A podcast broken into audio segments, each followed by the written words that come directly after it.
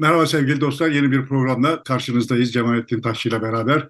Bu haftaya e, bakışta e, olup bitenleri değineceğiz ama esasen tek konu var gibi onu değerlendireceğiz. Vizyon açıklaması CHP Genel Başkanı'nın daha doğrusu CHP'nin e, organize ettiği genel başkanında konuştuğu pek çok sayıda bilim insanının Amerika'dan ve Ankara'dan bağlandığı İstanbul'da gerçekleştirilen ikinci yüzyıla hazırlık olarak gerçekleştirdikleri bir vizyon toplantısı oldu. Ben de o toplantıya katıldım.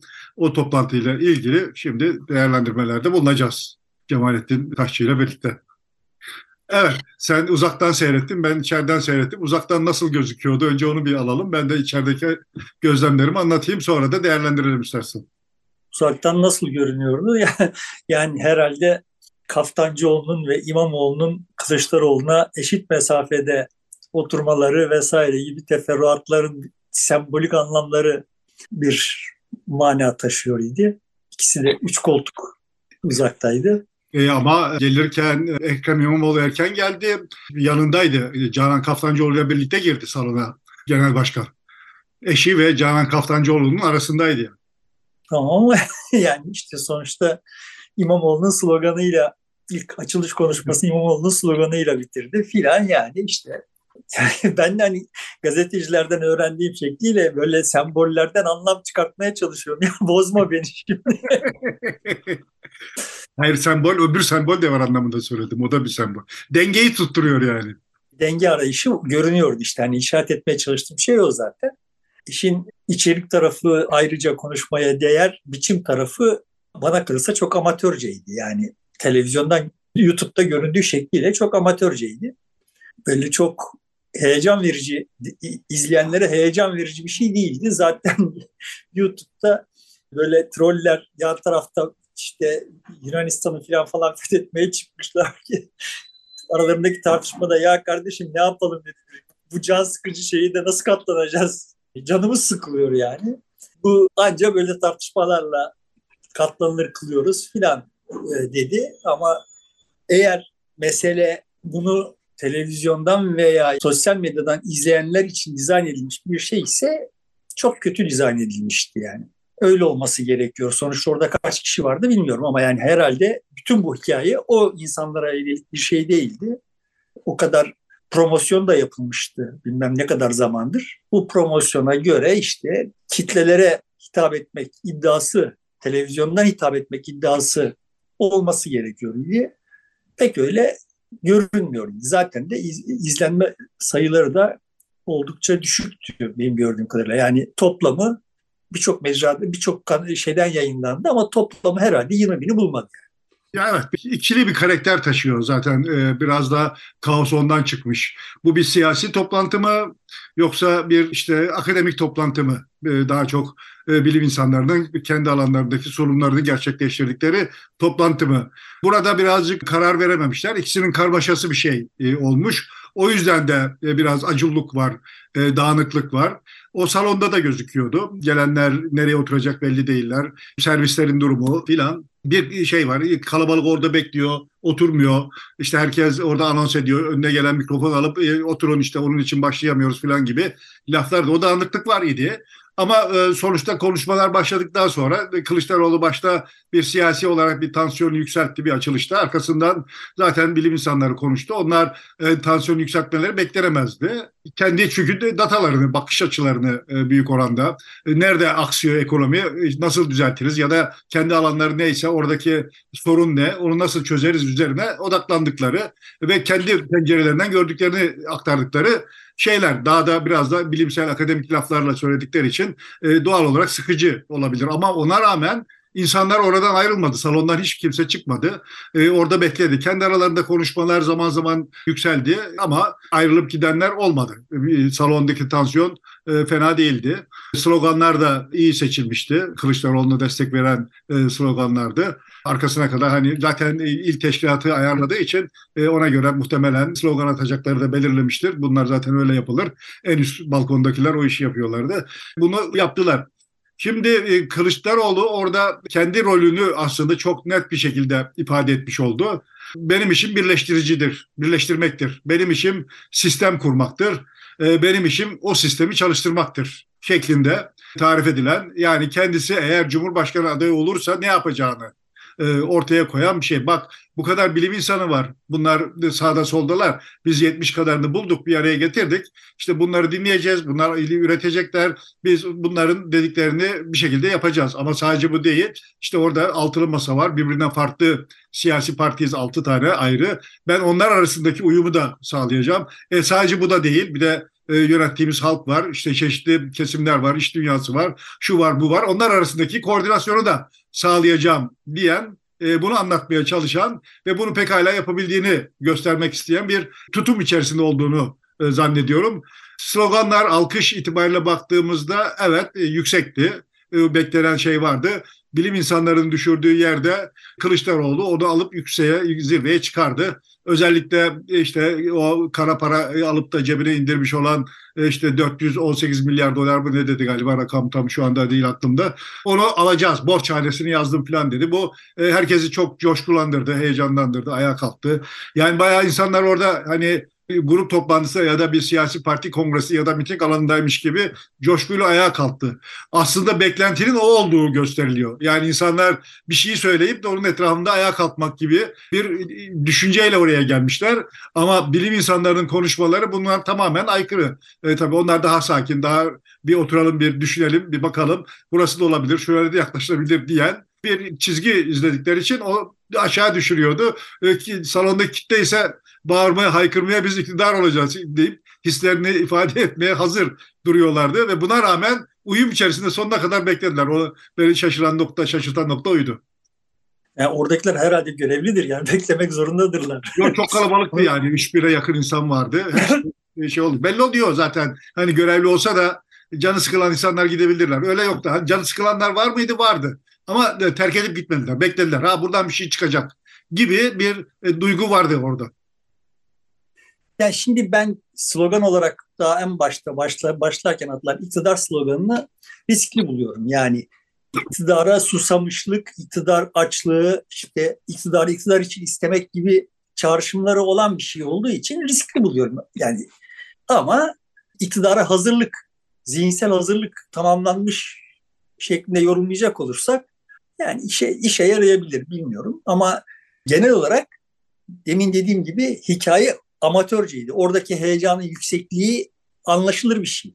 Ama mesele bize hitap et yani or- orada olmayanlara hitap eden bir şey olmalıydı ve öyle değildi. Yani ben senin tırnak içinde yüzünden vazifeli gibi izlemek zorunda kaldım.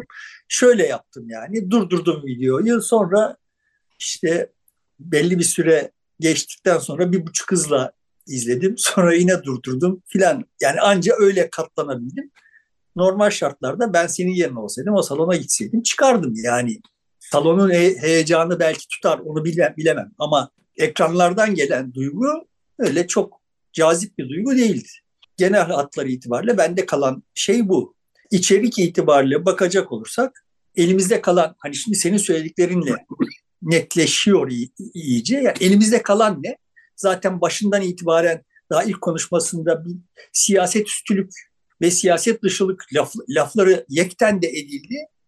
Görünüyor ki CHP bize siyaset dışı çözümler organize eden bir örgüt, bir siyasi parti değil de dışarıda bir yerlerde üretilmiş olan çözümlerin uygulanmasını sağlamakla kendisini görevli hisseden bir örgüt gibi görüyor kendisini. Yani ben takıldım yani CHP bir üniversite kursaymış belki daha başarılı olacakmış parti kurmak yerine ya particilik işi yapmak yerine akademik bir iş yapsamış. Şey, şöyle şematize edeyim yani net toplamda kalan bakiye ne şimdi? Türkiye'yi bilim kurtaracak. Bize kalan bakiye bu. Evet onu söylüyorlar zaten evet. E şimdi bilim veya din veya ideoloji ve neyse yani dışarıda bir şey bizi kurtaracak ise ideoloji doğru oturmuyor ama hani ideoloji derken bir dışarıda bir bir şey, bir formül yani. Dışarıda bir formül var.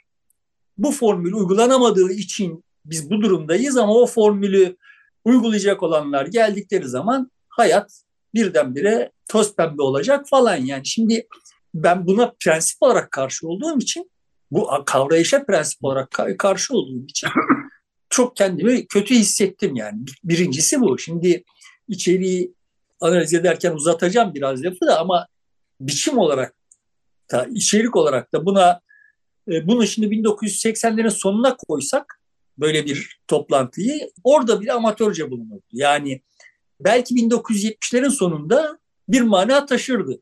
Ama 1980'lerin sonunda bile anakronik kalırdı. Bu sunum biçimi ve bu içerikle yıllardır aynı geyiği anlatıp duran Rifkin miydi o işte yine böyle 1980'lerin sonunda 90'ların başlarında filan moda olmaya başlamış.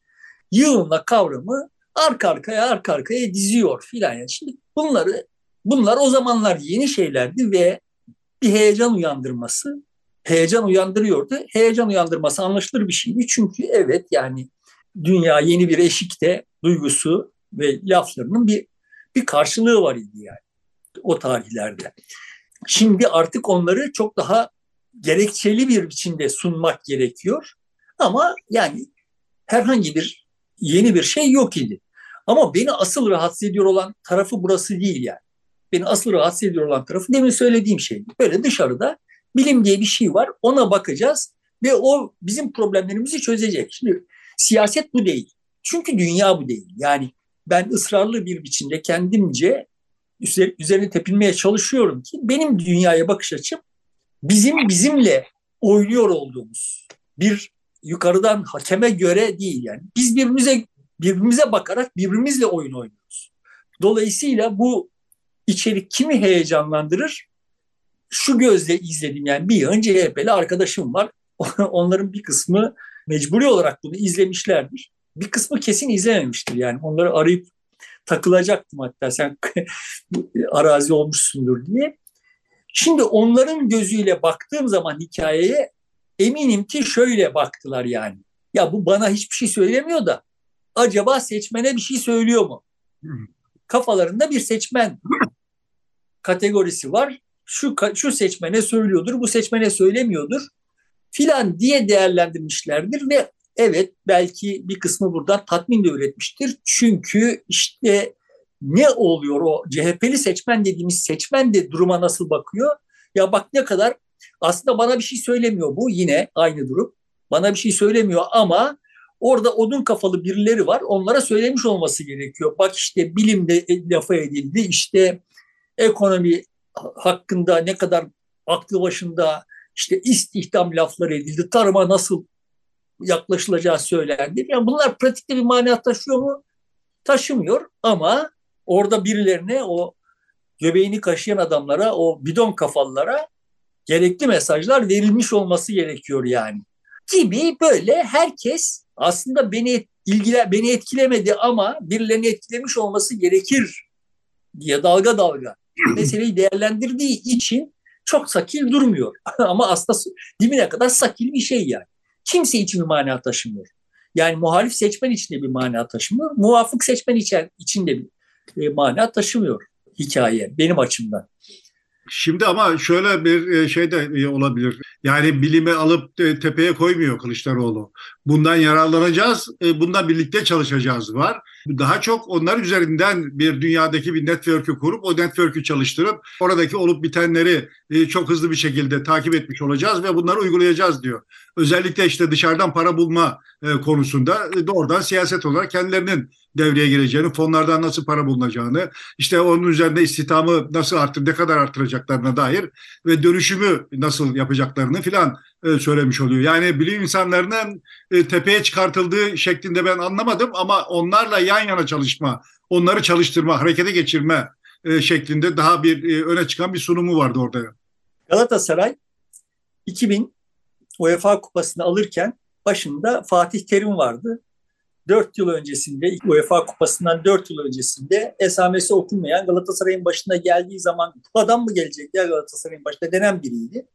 O kadronun orta sahasında 3 tane bücür vardı işte. Suat Okan, Emre yanlış hatırlamıyorsam. Önünde adı söylendiği için Piker'in cezalandırıldığı Hakan Şükür vardı. Ve o kadroyla yani böyle e, dünya yıldızları falan olmadan Avrupa şampiyonu olundu. Bir çok dünya yıldızı barındırıyor olan kadroları üstünden geçti.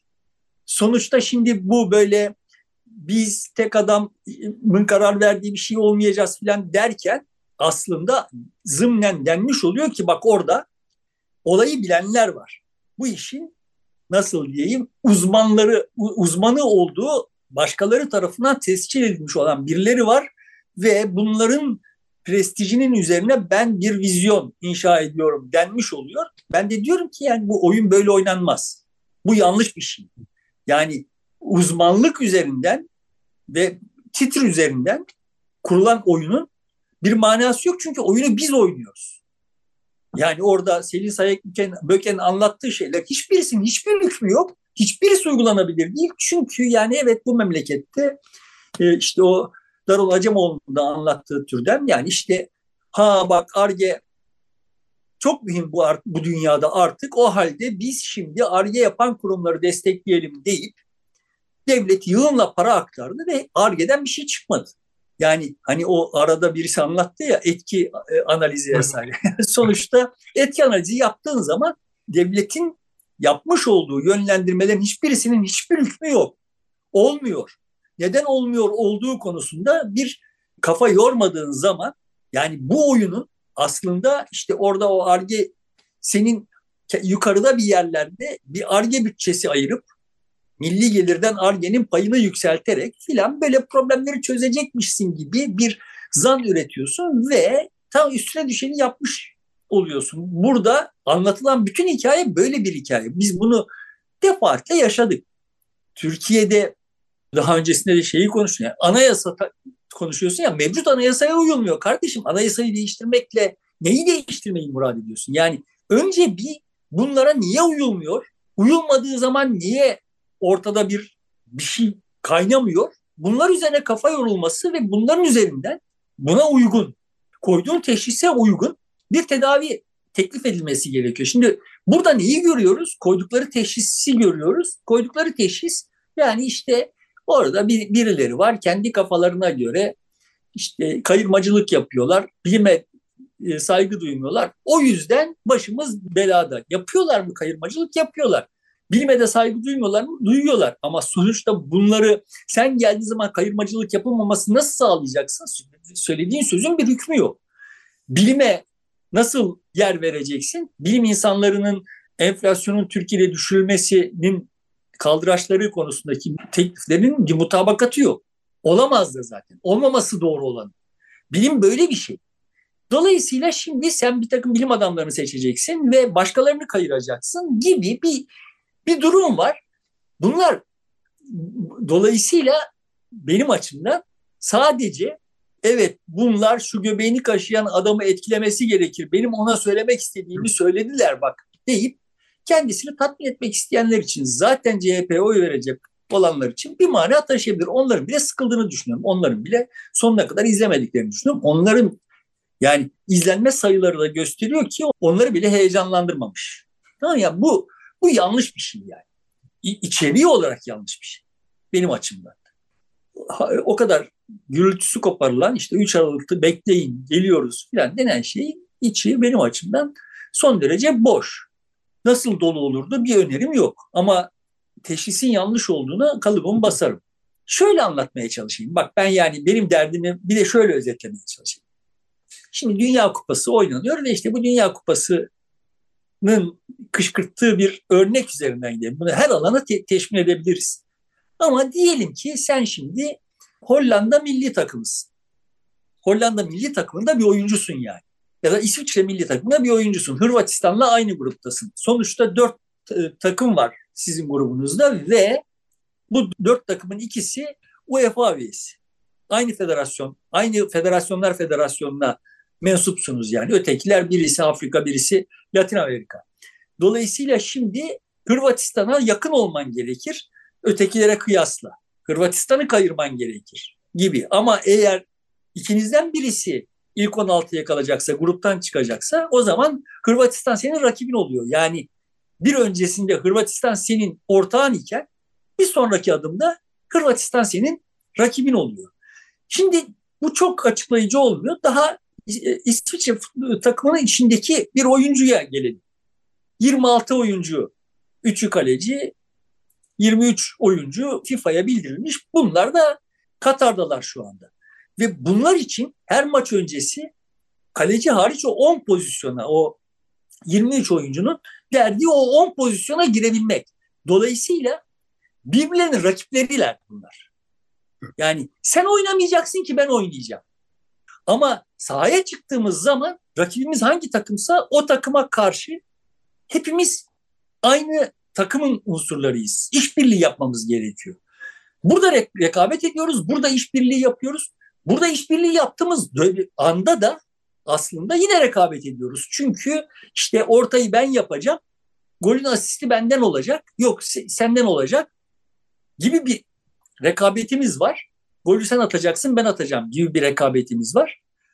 Ve işte maçın yıldızı sen olacaksın ama neden bunlar önemli? Çünkü ya benim bütün kariyerim, geleceğim, hayatımdaki bundan sonraki gelirlerim vesaire oradaki performansa bağlı. Çok bağlı yani. Dolayısıyla biz rakibiz. Ama aynı zamanda da işbirliği yapıyoruz. Şimdi rakip olanın yani rakip olmak ile işbirliği yapmak arasında böyle sızdırmaz bir duvar varmış mantığıyla bir dünya tasavvuru var. Bunlar hem rakip olup hem işbirliği yapılabilir olduğu bir paradoks oluşturuyor ve bu paradokslarda bütün bir aydınlanma aklının, modernitenin en katlanamadığı şeylerdi. Biz bunların içinde büyüdük. Yani siyah beyaz dünyalarda büyüdük. Dolayısıyla hep böyle dışarıda bizim çözemediğimiz paradoksları bu modern e, aklın, aydınlanma aklının bence zirvesi Russell'dır. Russell'ın bütün derdi gücü bu paradoksları çözmekti ve bu paradoksları çözerken yani neydi paradoks? Tekrarlayayım. Birbirini dışlayan setler halindedir her şey. Yani ya işbirliği yapıyorsundur ya rekabet ediyorsundur. İkisi birden olamaz yani. İkisi birden olamamasını sağlamanın yolu yukarıda bir başka set, bir başka tanım, bir başka referans noktası bulmak. Ve bütün hikaye de bunun üzerinden. De. Hep biz biz ideolojileri böyle ürettik vesaire. Tamam sonuçta orada böyle aydınlanma aklıyla yani işte milliyetçilik nedir? Yani bütün dünyada bütün milliyetçilerin temel problematiği ne? Ya kim Alman bir kim değil. Yani şimdi bunu bunu belirleyeceğiz yani. Çünkü yani hem Alman hem değil olma şansın yok. Olmaması gerekiyor. Şimdi milliyetçilik o kavrayışın ürünü olduğu için yani Marx'ın temel problematiği ne? Sınıfı tarif etmek. Kim kime kiminle nasıl rekabet ediyor? Hem hem işçi hem burjuva olamazsın yani. O yüzden biz gençliğimizde Marksist çevrelerin içinde neyin tartışması yapıyorduk? Bakkal sermayedardı. yani kar ediyordu yani. Ya ne kadar büyük ayıp yani. Kar ediyordu yani. Halbuki ücret alması gerekiyor. Biz böyle bir zihinsel kodun ürünleriyiz. Tamam ve şimdiki gençler böyle değiller. Çünkü dünya da artık şu idrak edilmiş durumda ki evet hem rakip olup hem işbirliği yapabilirsin. Ve yapabilirsin değil zaten başka yolun yok. Evliysen karınla ya da kadınsan kocanla hem işbirliği yapıyorsun hem de rakipsin. Ya bunu hepimiz her gün sınıf arkadaşlarımızla yaşadık, yaşıyoruz. Mes- mesai arkadaşlarımızla yaşadık, yaşıyoruz. Hayatın kuralı bu. Sen gazetecisin. Bir gazetede çalışıyorsun. O gazetenin prestiji senin kariyerin için anlamlı. Dolayısıyla gazetedeki diğer bulunan insanlar senin işbirliği yaptı, yapmak zorunda olduğun insanlar onların başarısından başarı sağlayacaksın. Ama aynı zamanda da onların önüne geçmen gerekiyor. Onlar aynı zamanda senin rakibin. Ve hep böyle yaşadın. Hayat böyle bir şey. Dolayısıyla bizim dışarıda bir referansa ihtiyacımız yok. Biz bizimle oyunumuzu yani kiminle hangi şartlarda işbirliği yapacağız, kiminle hangi şartlarda rekabet edeceğiz? Bu oyunun kurallarının doğru olması gerekiyor. Oyunun kurallarının bunu hesaba katarak doğru olması gerekiyor. Şimdi bize demiş oluyorlar ki ya bakın sizin aranızdaki bütün rekabetler ve bütün işbirliklerinin anlamı yok. Bunların yapılacak olanın ne olduğu belli.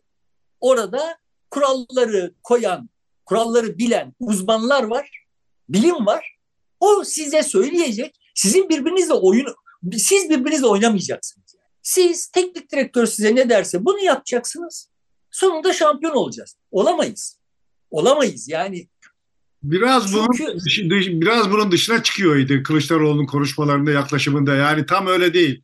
Yani tamam bilime bir yer ayırıyor, bilim insanlarının yer uzmanlara daha doğrusu bir yer ayırıyor ve onlar çalışacak, üretecekler, siyasetten etkilenmeyecekler. Neyse doğru onu söyleyecekler ama biz yapacağız. Biz derken hem kendisi tarif ediyor hem altılı masadaki diğer liderlerin hepsini işin içerisine dahil ediyor. Yani orada bir çokluk var. Yani sonuçta kararı verecek olan biziz anlamı yani altılı masa bir siyasetçiler anlamına gelen şeyler de söylüyor. Yani eskisinden biraz esnemiş bir hali var.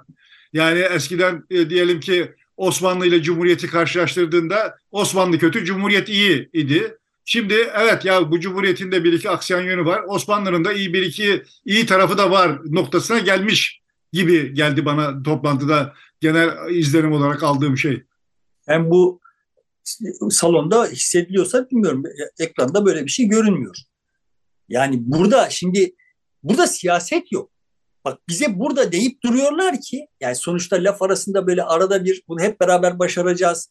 Evet. Ve işte bu toplumda zaten filan gibi laflar ediliyor yani bir, bir potansiyel var falan gibi laflar ediliyor. Ama sonuçta bize hep işte orada Merkez Bankası bağımsızlığı, burada e, liyakat sahibi birilerinin iş, işe e, iş başına getirilmesi vesaireyle bu problemler zaten kendiliğinden çözülecekler. Hikayesi aktarılıyor yani. Adam kardeşim etki analizi anlatıyor ya. Yani ben şimdi otursam madem birileri de çıksa toplam kalite anlatsa orada e, toplam kalite anlatımının da yani devlette toplam kalite efendim işte siyasette toplam kalite lafları etse e, onda bir karşılığı var. Etki analizde toplam kalite gibi bir şey yani. Bir nasıl diyeyim bir teknik yani. Evet. Önemsiz bir teknik demiyorum şimdi ama hani etki analizinde madem CHP'nin yapıp ettiklerine, orada konuşan insanların yaptıkları, söylediklerinin etkili analizini vesaireyi yapalım. Görelim yani ne kadar etki etmiş. Etki analizi bu anlamda demeye çalıştı. Bu hikayenin içinde oturup oraya konup adam da son derece aklı başında bir sunum yaptı ama dediğim gibi bunun yani bunun yeri orası değil. Ve siyaset yok. Yani bütün o konuşmaların içinde işte Selin Sayek Böke siyaset türü laflar eder gibi oldu. Dünya yani işte Selin Sayek Böke'nin siyaset kabiliyeti de o kadar. Kadın zaten orada yıllardır CHP'nin içinde bir siyasetçi olarak yok ki. Kadın hep bir ekonomist olarak, bir teknik personel olarak yani, bir uzman olarak. Dolayısıyla yani Orada şaşırtan Faik Öztrak'ın da bir şey oldu. Hep bugüne kadar CHP dediğimizde bizi Lozan sınırları içerisinde hapsedecek e, bir anlayışa sahip dışarıyla hiç ilgilenmeyelim falan diyordu. O tam tersi işte Türkiye'den İstanbul'dan uçağa bindiği zaman dört buçuk saatte işte şu kadar yere gidiyorsun. Kuzeyde, doğuda, batıda, güneyde ve Türkiye buranın merkezi olacak hem lojistik merkezi hem de bu işleri yürüten, e, onları etkileyen merkez olacak anlamında bir farklı bir bakış açısı da koymuş oldu. Bu, bu mesela ilk defa geldi bana şeyde CHP açısından. Yani biz sınırın içerisinde değiliz, dışarıyla da yakından ilgileniyoruz diyen bir yaklaşım. Kemal Kılıçdaroğlu'nun da yaklaşımı e, farklı. Yani ben hepsini yapacağım, edeceğim, onu dinleyeceğim falan değil. Ben sadece birleştireceğim. Ben diyor sadece sistemi kuracağım. Ben diyor o sistemi çalıştıracağım. Yani başkalarını da işin içerisine dahil eden bir anlayışı var orada. Bütün bu hikayenin içine Faik Öztürk'ü ayrı bir yere koyalım. Yani Faik Öztürk politikacı gibi konuştu nispi olarak. Ve evet senin dediğin gibi şaşırtıcı bir Faik Öztürk'ü tanıyanlar açısından bakıldığında şaşırtıcı bir içerikti. Ve sosyal medyada da o bu da işte yeni neoliberalizm propagandası. Yani yeni bir şey yok burada oldu. evet neoliberal bir Faik Öztürk dinledik. Bir e, açıdan bakınca benim açımdan bunda bir mahsur yok. Ben çünkü sonuçta dünya küreselleşiyor ve işte küreselleşecek de bundan sonra daha da küreselleşecek. Bununla direnmenin bir manası yok diye bakıyorum. Ama yani CHP'nin de bu çizgiye gelmek zorunda olduğunu zaten yani hani burada bir beis yok. Mesele şu. CHP seçmeni bunu nasıl karşılayacak, karşılıyor bunu bilmiyoruz. CHP'nin böyle bir derdi olmasın. Şimdi bu toplantı anons edilirken bunun anons edilmesi için üretilmiş olan videodaki mesaj tırnak içinde içerik benim açımdan doğru bir içerikti. Yani ey dünya bekle geliyoruz. Sana meydan okuyoruz yani. Seninle rakip olacağız. Şimdi bu ifade kötü ifade edilmişti. Ben de kötü ifade ediyorum. Daha iyi ifade edilmesi gerekiyordu. Ama bir iddia ve dünyanın gerçeğinin doğru kavranmış olduğu yani biz evet ancak rekabet ederek meydan okuyarak kendi potansiyelimizi zorlayabiliriz, geliştirebiliriz. Kazanırız, kazanmayız ama sonuçta sahada oynayarak ve yenme iddiasıyla oynayarak yani top çevirerek vesaire değil, yenme iddiasıyla oynayarak daha iyi futbolcu olmayı başarabiliriz.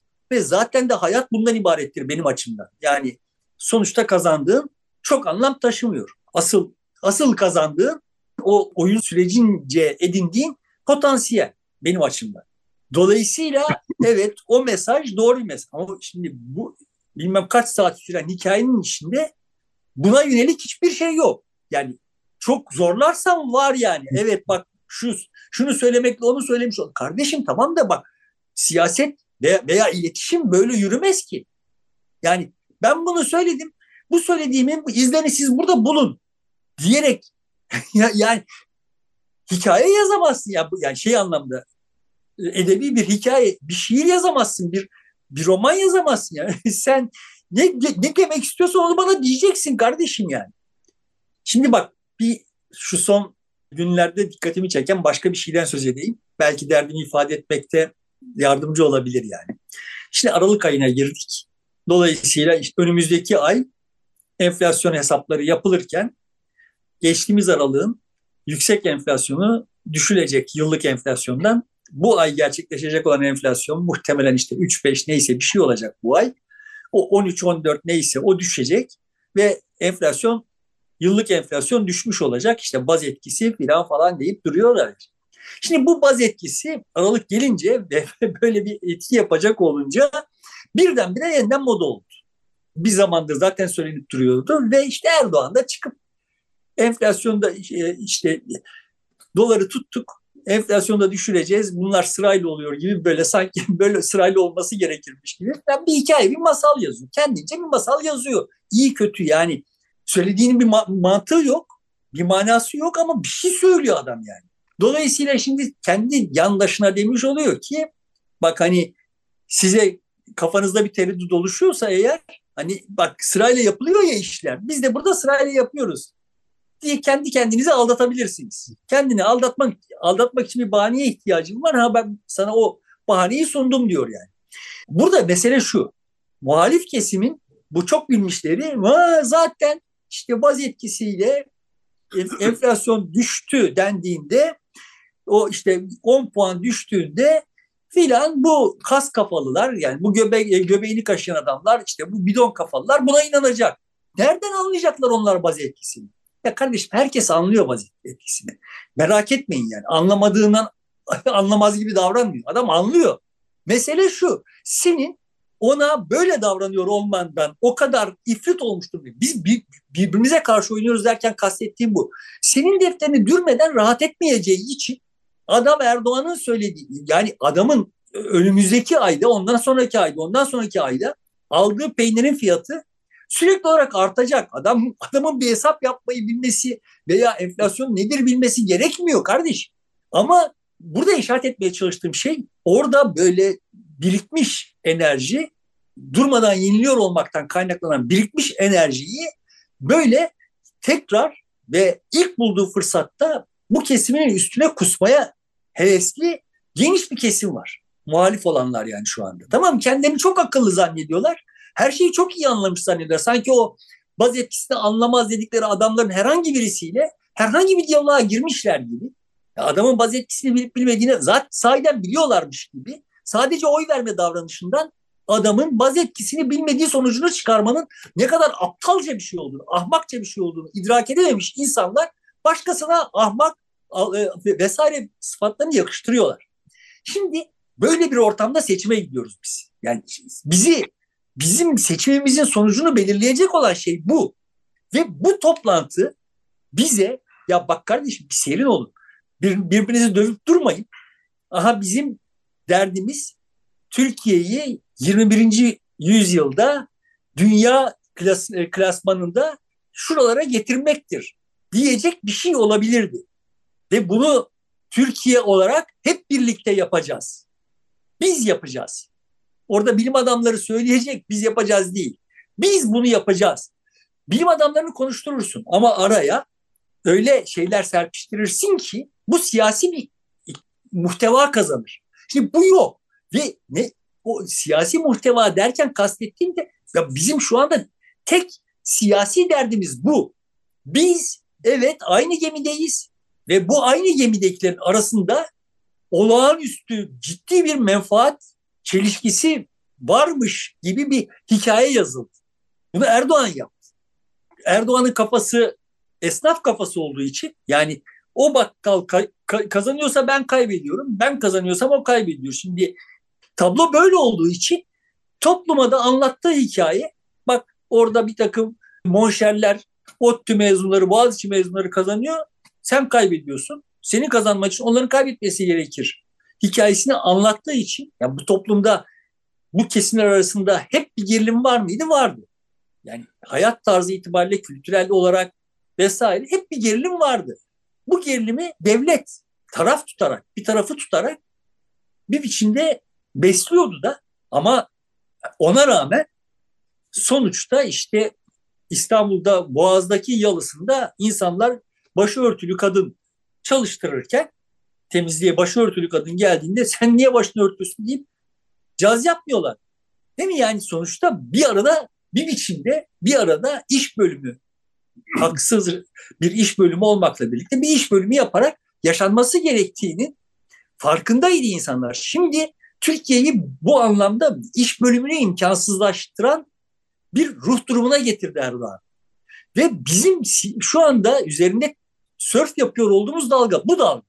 Dolayısıyla bizi evet bir araya getirip bir takımın birbirine rakip olan ama bir oyunda işbirliği yapması gerekiyor olan bir forma sokabilir CHP.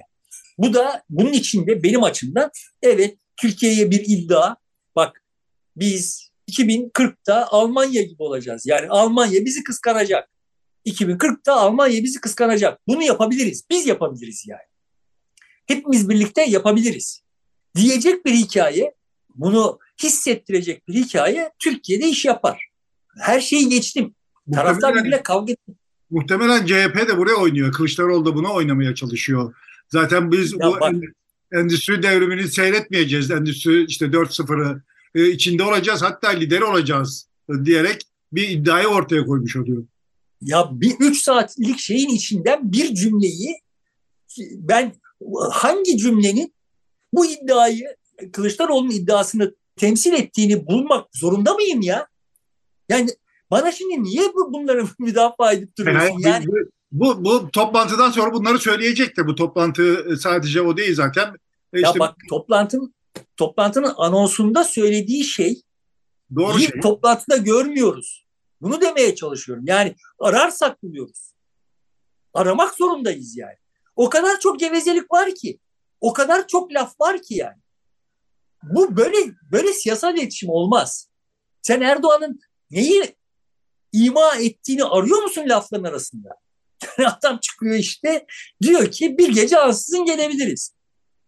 Da yani bu kadar sade bir şey yani. Ha bak işte kara operasyon olacak mı olmayacak mı diye. Burada da mesela Kılıçdaroğlu'nun konuşmasını e, diğer konuşmalardan tümüyle ayırsak bu şey çıkıyor. Kendi içerisinde bütünlüğü çıkıyor onun. Yani ben başkalarıyla birlikte çalışacağım. Bir arada olacağız. Farklı farklı insanlar bir olmazsa olmaz. Başkalarıyla birlikte çalışacak. Ben yokum kardeşim oyunun içinde. Bunu diyorum ya. Bak biz millet olarak yokuz. Şimdi o konuşmaların içinde yine böyle bilimsel konuşmaların içinde yer yer birkaç kişi yani işte burada bir potansiyel var. Türkiye'nin insan beşeri sermayesi var vesaire filan laflar ederek hani oyunu yine toplumun üzerine koy, koymaya çalıştı. Ama onun dışında biz yokuz yani. Biz sonuçta biliniyor olan bir formülün nesneleriyiz. Ben de diyorum ki formül bilinmiyor. Ama formülün bilinmediğini kabul etmek istemeyen bir tabanı var CHP'nin. Tamam bunu anlıyorum. Ama şimdi o tabana bu hikaye bambaşka kelimelerle yedirilebilirdi. Böyle bir böyle bir bilinç, böyle bir irade, böyle bir anlayış yok. Demeye çalıştığım şey sen şimdi bir gazeteci olarak orada bütün bunları izlemekle yükümlü birisi olarak kendini öyle hisseden birisi olarak orada falanca cümleden filanca cümleden bunları çıkartıyorsun. Kamuoyunun böyle bir lüksü yok. Yani Türkiye'de bu, bütün bu hikayeyi başından sonuna o 4 saat başından sonuna izleyen 200 bin kişi olmayacak. Bir tanesi Erdoğan'dır. O bile izlememiştir yani. Sonuçta izleyenin önemli bir bölümü rakipler. Ve burada bir delik arayacak, e, aramak için izlediler.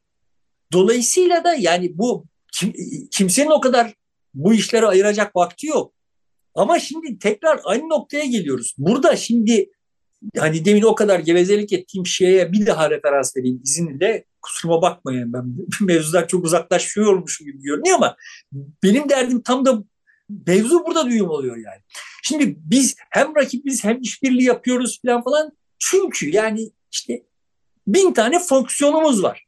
Ya kamuoyuna bakarken zaten böyle mutual exclusive yani birbirine dışlayan setler halinde bak bakan bir şey var karşımızda. İşçiler var, patronlar var. Muhafazakarlar var, laikler var, milliyetçiler var. Şey, ya kardeşim bak biz hepimiz bütün bunlarız. Türküz, işte şöyle bir din anlayışımız var, babayız, aynı zamanda Beşiktaşlıyız vesaire vesaire. Yani bir, bir yıl kaleidoskopu yani döndü, döndükçe başka bir özelliğimiz, görünen bir şeyleriz biz. Ve dünyanın böyle bizim her birimizin hem o hem bu olabildiği bir dünya olduğunu olduğunun idrak edilmiş olmasını bekliyorum ben şeyde. Ama aşırı sadeleştiren, her şeyi aşırı sadeleştiren zaten bir siyaset anlayışı var. Hem Erdoğan'ın hem rakiplerinin. Yani 19. yüzyıl aklı yani. Şimdi bu 19. yüzyılın aklına 20. yüzyılın tecrübesinin konduğu ama hani dediğim gibi 20. yüzyılın sonlarında 1970'lerde 1980'lerde duysak dünyada geniş kalabalıklar ilk defa duyduğu kavramlar bunlar. Ama onlar da eskidi. Yani hem çıkacaksın bana diyeceksin ki işte dördüncü sanayi devrimini ıskalamayacağız. Ama hem de yani bana ikinci sanayi devriminin kavramlarıyla, dünya tasavvuruyla konuşacaksın. Iskalarsın yani. Ama zaten bu başlangıç bu. Ee, en azından e, hedefi koyuyor. Yavaş yavaş da hangi kavramlarla konuşulması gerektiğini de öğrenecektir. Yeni kavramları e, mecbur edilecektir. Yeni kavramlar kendisini mecbur edip önüne getirecektir. Yani bir kere bazı şeyleri aşmış olduğunu görüyoruz burada CHP'nin. iddia ortaya koymuş oluyor. Dışarıyla rekabet etme, hatta ona önderlik etme gibi bir e, hedefi e, önceliyor. Ve bunu da işte herkesle bir arada yapmaya çalışacağız. Bu başka türlü olmaz diyen bir e, edası var. Herkes kim? E, orada şey, Kılıçdaroğlu. Şey, Kılıçdaroğlu saydı ya zaten. Halk dedi başta ilk, ilk konuşmasında. Halk olacak, örgüt olacak. Yani bizim CHP olacak. Bir de altılı masal olacak. Başka türlü biz bu işin arkasından kalkamayız diye. ilk e, sunuş konuşmasında ifade etti. Üç ayağı var bu işin dedi bu dönüşümün. Halk ve işte biz örgütümüz yani CHP ve altılı masa. Peki ondan sonrasında biz neyi gördük? Bilim adamlarını gördük. CHP zaten oradaydı. Altılı masayı da sonunda bir daha hatırlattı. Teker evet. teker. Evet, Ama halk yok yani. Ayağa kalkın gençler dedi, kadınlar dedi, sizden olmazsa dedi, birlikte gece eğilmeyin dedi falan. E daha ne yapacak onlar? Ne mi yapacak? Yani ayağa kalkın demeyecek yani. Ayağa kaldıracak. Benim ayağa kalkmamı sağlayacak bir şey yapacak. Ben de diyorum ki bu video, bu programı izlemiş olan, televizyondan izlemiş olan hiç kimse uf tamam lan ayağa kalkayım, çıkayım şimdi bir filan duygusuna kapılmadı.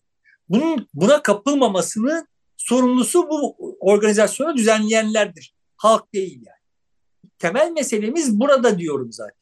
Bu meselenin çözümüne yönelik de buradan bir işaret görmedim. Şimdi ama aslında eskisine kıyasla deyip başladığımız zaman yani tamam yani eskisine kıyasla Kılıçdaroğlu çaba harcıyor olduğu vesaire görünüyor. Ona bir itirazım yok. Yani ama ben ben ya bak Kılıçdaroğlu çok çaba harcıyor. Adama yazık. Ben de o zaman ayağa kalkayım. Duygusuna kapılmıyorum. Siz kapılıyorsunuz tamam ne güzel yani. Ben kapılmıyorum yani. Bana çaba çaba gerekmiyor yani. Beceri gerekiyor. Ama bak adam maç boyunca işte dört tane gol yedirmiş bize ama maç boyunca 12 kilometre koştu. En çok o koştu. Bana ne ya? dört tane gol yedirmiş bize. Yani ya bu mantık benim benim dünyama uygun bir mantık değil. Şimdi ikinci yüzyıla çağrı ya şeyin başlığı e, toplantının. Yanımda oturan gazeteci arkadaş dedi ki ya dedi Cumhuriyeti kurdu birinci yüzyıl başladı. Cumhuriyet nerede kuruldu? Ankara'da. E şimdi bu toplantıyı niye Ankara'da yapmıyor da İstanbul'da yapıyor? Demek ki Cumhuriyet'ten vazgeçiyor dedi. E, bu başka bir şey söylüyor. İşte tam da onu yapıyor zaten dedim. Osmanlı ile de helalleşiyor. Kılıçdaroğlu burada burada yapmakla böyle de bir mesaj simgesel bir mesaj ortaya çıkmış olabilir dedim. Yani başka şeyler oluyor yani orada. Mesajlar çıkıyor demek. İnsanlar başka başka şeyler anlıyor. Uğraşırsan çıkar mesaj ya.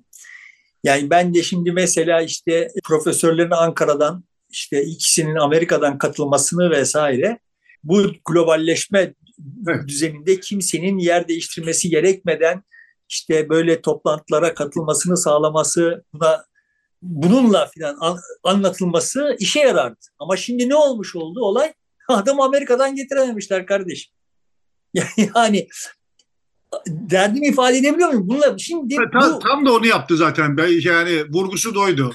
Ya yani o da biz bir gazeteciler arasında tartıştık. Ben de tam da onu söyledim. İşte toplantı buradan oluyor. Mesela hani Amerika'dakini getiremedim. Randevusu yok. Hadi o şeyin Jeremy Rifkin'i getirememiş olabilirsin. Daran Acemoğlu da gelmemiş olabilir. Ama Ankara'daki pekala gelebilirdi. Onu da davet etmeye yani getirmeyerek bağlanarak teknolojiyle bu işin yürüdüğünü, zaten o dijital dönüşümün ne anlama geldiğini uygulamayı da e, başlamış oluyor. Bu da bir simgesel mesaj diye e, değerlendirdik ve öyle konuşmuştuk kendi aramızda. Tamam yani ben de Ankara'dakiler de yani adamın ilk Rifkin'in Amerika'dan konuşmasında çok rahatsız oldum. Yani bir kere zaten programın onunla açılması bence yanlıştı. Çünkü adam bir tür hani kendisini pazarlayan bir adam yani netice itibariyle seni pazarlamayacak olduğu görünüyor yani. Ee, adamın nasıl diyeyim prestijini kendi değerini arttırmak için kullanıyor olduğunu adam hissettiriyor.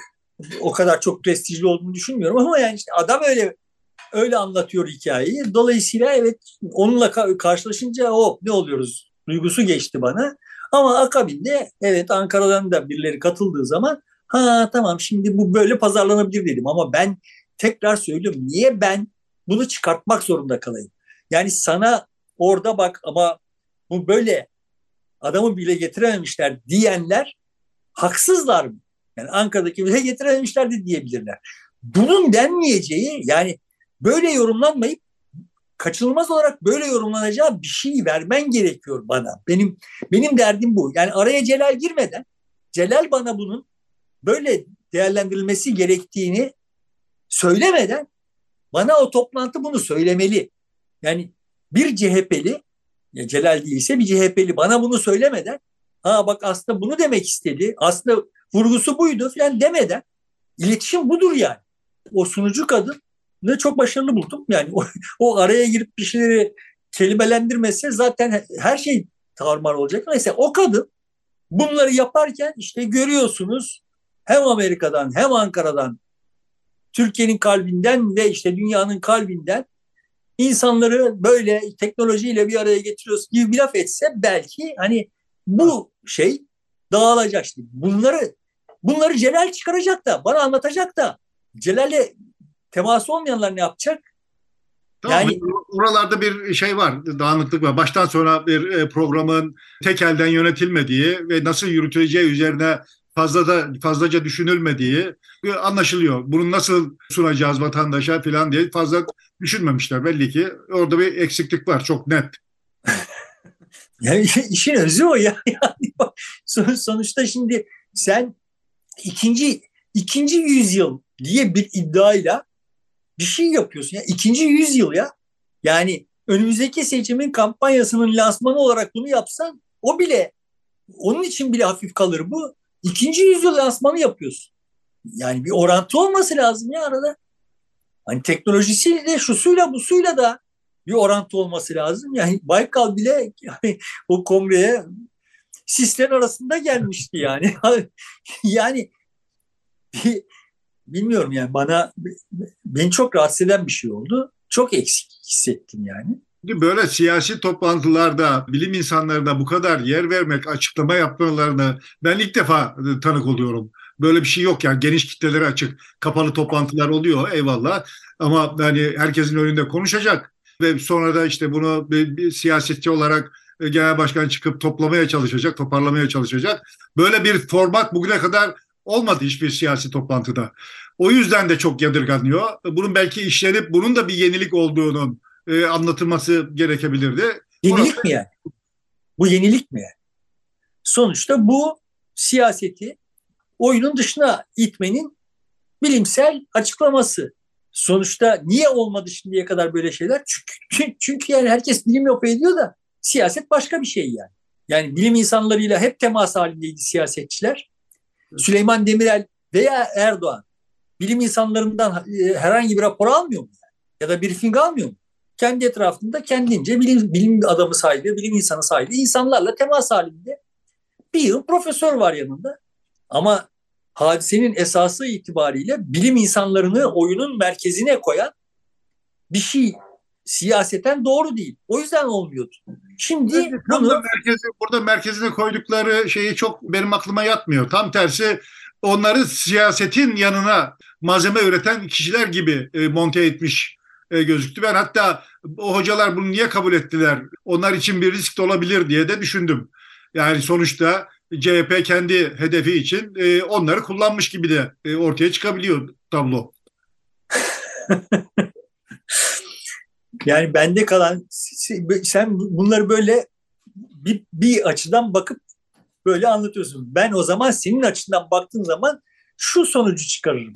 Demek ki CHP'nin bugüne kadar bilim insanlarıyla hiç teması yokmuş. İlk defa temas kurmuş. Yani bilimi yanına almak dediğin zaman e, bugüne kadar hiç yanında yokmuş. Şimdi almış.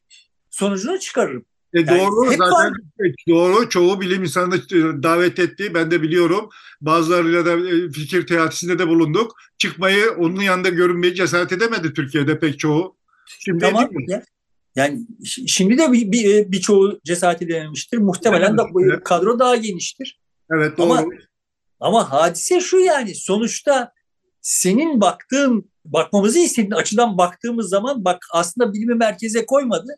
Yanına bilimi aldığını göster dediğin zaman biz o zaman demek ki bugüne kadar CHP'nin yanında bilim yokmuş diye düşünme hakkını kendimizde görürüz. Doğru yani, bu, bu, bu yanlış değil. Yani yoktu hakikaten gelmiyorlardı. Bir, bir toplantı yani bile gelmiyorlardı başka yani fikir vermiyorlar mıydı? Rapor vermiyorlar mıydı? Gelmeleri mi gerekiyor illa yani? Bilim insanların niye gelmesi gereksin yani? Yani gelme dedim işte işbirliği yapma ya da fikir koyma. Ben bunu söylüyorum, öneriyorum deyip e, kendi ismiyle, cismiyle sonuçta bir kağıt yazıp göndermesi değil. Doğal olarak onu gerektiğinde savunacak. Yanlış dediğinde çıkıp konuşacak. Kendisini ortaya koyan bir tutum göstermedi bugüne kadar. Hep tersi işte, bilimde. O zaman, o zaman benim dediğime geliyorsun. Yani niye bilim insanı kendisini ortaya koymak zorunda kalsın? Yani siyasetçinin işini niye bilim insanı yapsın yani? O kendisini ortaya koyduğu zaman bu iş böyle yapılmalı dediği zaman ya onun dediğini yapacağız. O zaman bilimin sözünden çıkmayan ikincileşmiş bir siyaset olacak. Ya ben anlamıyorum yani sahiden anlamıyorum mevzuyu anlamıyorum yani. Yani bilim insanlarının işi zaten kenarda durmak. Yanında durmak zaten. Onların yanında durduğunu ben zaten varsayıyor idim. Yani senin bilim kendisinin çıkıp da e, bu iş böyle yapılır. Bunu böyle yapacaksınız dediği bir durum zaten siyaset ve zaten de senin şimdi Kılıçdaroğlu'nun söylediklerinin içinden güzelce seçim seçkiler yapıyorsun. Ama yani adam ilk konuşmasında kaç defa bilmiyorum siyaset üstü siyaset dışı lafları etti. Yani evet. kardeşim o zaman size ne lüzum var? Bunu şu, şu manada çok net söylüyor. Siyaseti yani sıcak siyasetin ihtiyacına uygun bir malzeme üretmek istemiyoruz sizden. Kendi bağımsız çalışmanızı yapın ne yapacaksanız diyor. Onu söylüyor. Yani bir, benim dediklerimi tekrarlayan bir noktada sizi görmek istemiyorum anlamında bir açıklamaydı o. Bilim insanlarına değil bize söylüyor. Diyor ki siyaset üstü. Siyaset üstü bir şeyden söz ediyor. Bize. Bunu anlatıyor yani. Ben de diyorum ki bizim siyaset üstüne ihtiyacımız yok. Doğru düz siyasete ihtiyacımız var. Evet, ayrı. Yani siyasetin üstünde bir şey olacaksa o bilim de olsa, din de olsa ben bunlara karşıyım diyorum yani. Sonuçta çünkü biz bir sahada birbirimizle oynuyoruz. Siyasetin işi bu oyunu kolaylaştırmak, mümkün kılmak. Beni oyuncu kılmak. Bana bilim insanı getirecek ve yargısını tartışamayacağım. Buna ben Covid tedbirleri sırasında da karşı çıktım. İşte bağımsız kuruluşlar olduğu zaman da karşı çıktım. Her durumda karşıyım yani. Çünkü bunların müzakereyle ancak müzakereyle çözümlendiklerinde ancak bir çözüm üretebileceklerini düşünüyorum. Şimdi burada bizim müzakere imkanlarımızı bir üst iradeye devretmeyi kendisi kabul etmiş. yani kendisi müzakere etmekten kaçınan bir özne görüyorum ben. Boş ver benim müzakere etme hakkımı. Kendisi müzakere etmekten kaçınan bir özne görüyorum. Bu 19. yüzyıl aklı diyorum yani. Bu, bu yani Bismarck. Orada birileri var bu işleri biliyorlar, uygulayacaklar. Ve işte Almanya sonuçta olay öyle olmadı. Almanya yine Bismarck'ın tabiriyle kan ve barut üzerinden yükseldi yani. Çünkü yani bilimin bu anlamda bu konularda söyleyecek çok bir şey yok olamaz. Birçok bilim insanı birbiriyle çelişen reçeteler önerir. Bunun bir tane doğru reçetesi olsa zaten herkes kalkınır ya. Yani niye sadece Türkiye dördüncü sanayi devrimini yakalasın ki niye Mısırlılar yakalamasın aynı zamanda? Angolalılar, Arjantinliler herkes yakalar. Böyle bir formül olsa herkes başarır bunu. Niye başaramıyoruz? Başaramayanlar niye başaramıyorlar? Başka bir yerde bir problem var. siyaset yok kardeşim. Şimdi siyaset yapamıyor olmasının mazereti olarak bana bilim insanlarını, önüme bilim insanlarını yani şey tuhaf yani. Ben gittim Amerika'da bak bunları öğrendim. ya sen şimdi bunları zaten bilmiyor muydun yani? Ya da bilmen mi gerekiyor yani? Ya sen ana muhalefet partisi genel başkanısın kardeşim. Bunları bir araya getirdim. Şampiyonlar Ligi kadrosu kurdum. E Şampiyonlar Ligi kadrosu kurdum da yani şey Şampiyonlar Ligi'nde değil. Sonuçta takım Şampiyonlar Ligi'nde değil yani. Türkiye'de oynuyor. Bunlar dediğim gibi benim açımdan son derece modası geçmiş. Yani 60'larda 70'lerde bunların müşterisi çoktu ve 60'lar 70'ler yetişmiş insanlar sonuçta bunlar ve o kapandan çıkamamışlar. Çıkamıyorlar. Kendi aralarına konuşurlarken de üf ne kıyak iş yaptık ha bak ne güzel göz boyadık filan diye düşünüyorlardır. Olmadı yani. Olmadı. ben sana garanti veririm ki kimse ayağa kalkmadı yani. Kadınlar ha tamam filan demediler. Salonda kalkılmıştır ayağa çünkü yani bir iktidar açlığı, susuzluğu var. Ve işte biz bizeyiz tamam ha bunlarla ne güzel milletin gözünü boyadık duygusu vardır. Yani ha bak ben çok etkilendim değil. Bundan ne biçim etkilenilmiştir duygusu var. Olmadı. Olmadığına kalıbımı basarım. Tamam. İşin şey tarafı hani sonuçta şimdi şöyle bir mukayese sana sunayım. Erdoğan yapsaydı bu hikayeyi hem görünüş olarak hem muhteva olarak bu çok daha renkli, çok daha gösterişli, çok daha göz alıcı olurdu. Tamam mı? Ama şimdi görünüyor ki yani o işte onun Türkiye yüzyılı hikayesini gördük ki onun da enerjisi yok. Yani onda o salondaki insanları ayağa kaldıracak bir şey yok yani. Evet yani orada onu da orada gördük Türkiye yüzyılında. İnandırıcılığı yok yani. Evet. Onun inandırıcılığı yok. Şimdi burada inanmak isteyen geniş kitlelere kapı açabilecek bir ruh durumu var. Yani Erdoğan'dan farklı bir avantaj var ve bu avantaj kullanılamadı. Şimdi diyorsun ki bana ama bir başlangıç. Ya neyin başlangıcı ya dört ay sonra seçim var. Çok yani eğer olursa seçim işte 4 ay 6 ay neyse sonra seçime gideceğiz kardeşim biz. Ve bu seçim için yapıyorsunuz bütün bunları son tahlilde yani de, diyorsun ki işte önce kazanmamız lazım. Evet yani anlıyorum ama hala başlıyorsak biz durmadan başlıyor isek seçim geldiğinde hala başlıyor olacağız yani. Ayrıca da başlangıçlar çok mühimdir ya. Burada şimdi burada öyle bir ses ki ben sana bir başka şey e, turnusol kağıdı e, sunayım e, AKP'liler bununla eğlenecekler. Cevap vermeye tenezzül bile etmeyecekler. Yani. Eğlenecekler. Alay edecekler. Çünkü o, o kıvamda bir şey yani. Halbuki cevap vermeye zorlayacak bir şey olması gerekiyor. Böyle birkaç şey ayırıp çıkartırsak yani o işte Bilkent'ten gelen profesörün filan söylediği yani bu böyle olduysa biz yaptık. Yanlış karar verdiğimiz için bunlar olduğu filan söylerken ki kullandığı kelimeler cümleler falan çok yerli yerindeydi. Ama işte o laf kalabalığının arasında böyle arayacaksın, eşineceksin. Ha şu şunu söyledi, bu bunu söyledi, şu cümle filan kimsenin kimsenin bu kadar şey yok ya. Konforu yok yani. Evet, böyle diyelim. Bu haftayı da böyle bakmış olalım. Sen sen de bana söyleyeceklerini söyle de öyle bitirelim. ya, söyleyecek çok fazla bir şey yok. Yani ben o kadar ümitsiz değilim. Ya da salonda gördüğüm için belki oradakilerin havasıyla. Yani bir kere bir iddia ortaya koymuş olması benim için önemli. Hedef koymuş olması önemli. Bir de merkez olacağız. İlk defa e, Lozan sınırlarının dışına çıkıp bir Türkiye'nin yeniden bir örnek olabileceği, merkez olabileceği, bir takım işleri yapabileceği ve bunda işbirliği içerisinde yapabileceği, dışarıdakilerin de bir araya getireceği gibi bir yaklaşım var. Bir de çok farklı kesimler bir arada. Yani e, konuşanlarda da işte bir Hristiyan, bir e, Ermeni, bir Alevi, bir Sünni falan gibi çok daha böyle dağınan bir, bir, bir manada da Osmanlı coğrafyasının e, bir şeysi gibi, e, sureti gibi bir yapı da orada e, var idi. Farklılıkları bir araya getirmiş yani onu görebiliyoruz her alanda. Yani altılı masayla da bir arada olma azmi ancak bir arada olursak bu işi götürebiliriz noktasındaki yaklaşımı da fena değildi. Bu muhtemelen şey kısmı unutulur. Öbür tarafı konuşa konuşa herhalde bu iddia kısmı Türkiye'nin merkez olacağı kısmını anlatabilirlerse öne geçebilirler. Bir şey olabilir yani. Yoksa çok fazla bir şey olacağını da zannetmiyorum. Böyle bir hamlede iki hamlede olmaz. Yavaş yavaş bunlar gelişir. CHP'nin tabanını ikna etmek, dönüştürmek, oranın olurunu almak o kadar kolay değil. Muhtemelen buradan o olur alındı.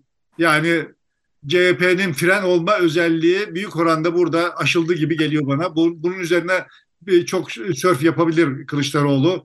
E, farklı şeyler de söyleyebilir gibime geliyor. CHP'nin tabanını ikna etmek konusunda bu toplantı çok işe yaramıştır. Çünkü CHP'nin tabanı dediğim tabanın ana karakteristiği kardeşim bu göbeğini kaşıyan adamların e, işte çobanların bidon kafaların oyunun dışına tutulması için gerekiyorsa beni de oyunun dışına atın ve işte bilimin ışığında filan Tamam şimdi CHP ha yola geldi bak bilimin ışığında iş yapacak. Demek ki aha bu zevzekler sürüsünden kurtulacağız diye yorumlamıştır bunu. Dolayısıyla onlar tatmin olmuştur. Onların tatmin olmasını değil, dönüşmesini sağlayacak bir iş gerekiyor idi. O yok yani benim benim açımdan. Tamamdır. Peki burada bitiriyoruz artık askeri müdahale olacak mı olmayacak mı şeyleri önümüzdeki hafta bakarız. O da yakından tartışılıyor ama e, bu hafta sadece buraya ayırmış olduk. E, peki sevgili dostlar burada programı bitiriyoruz. Hoşçakalın. Desteğiniz için çok teşekkür ediyoruz. Destek olmaya devam ederseniz yeniden memnun olduğumuzu ifade edeceğiz. Teşekkürler.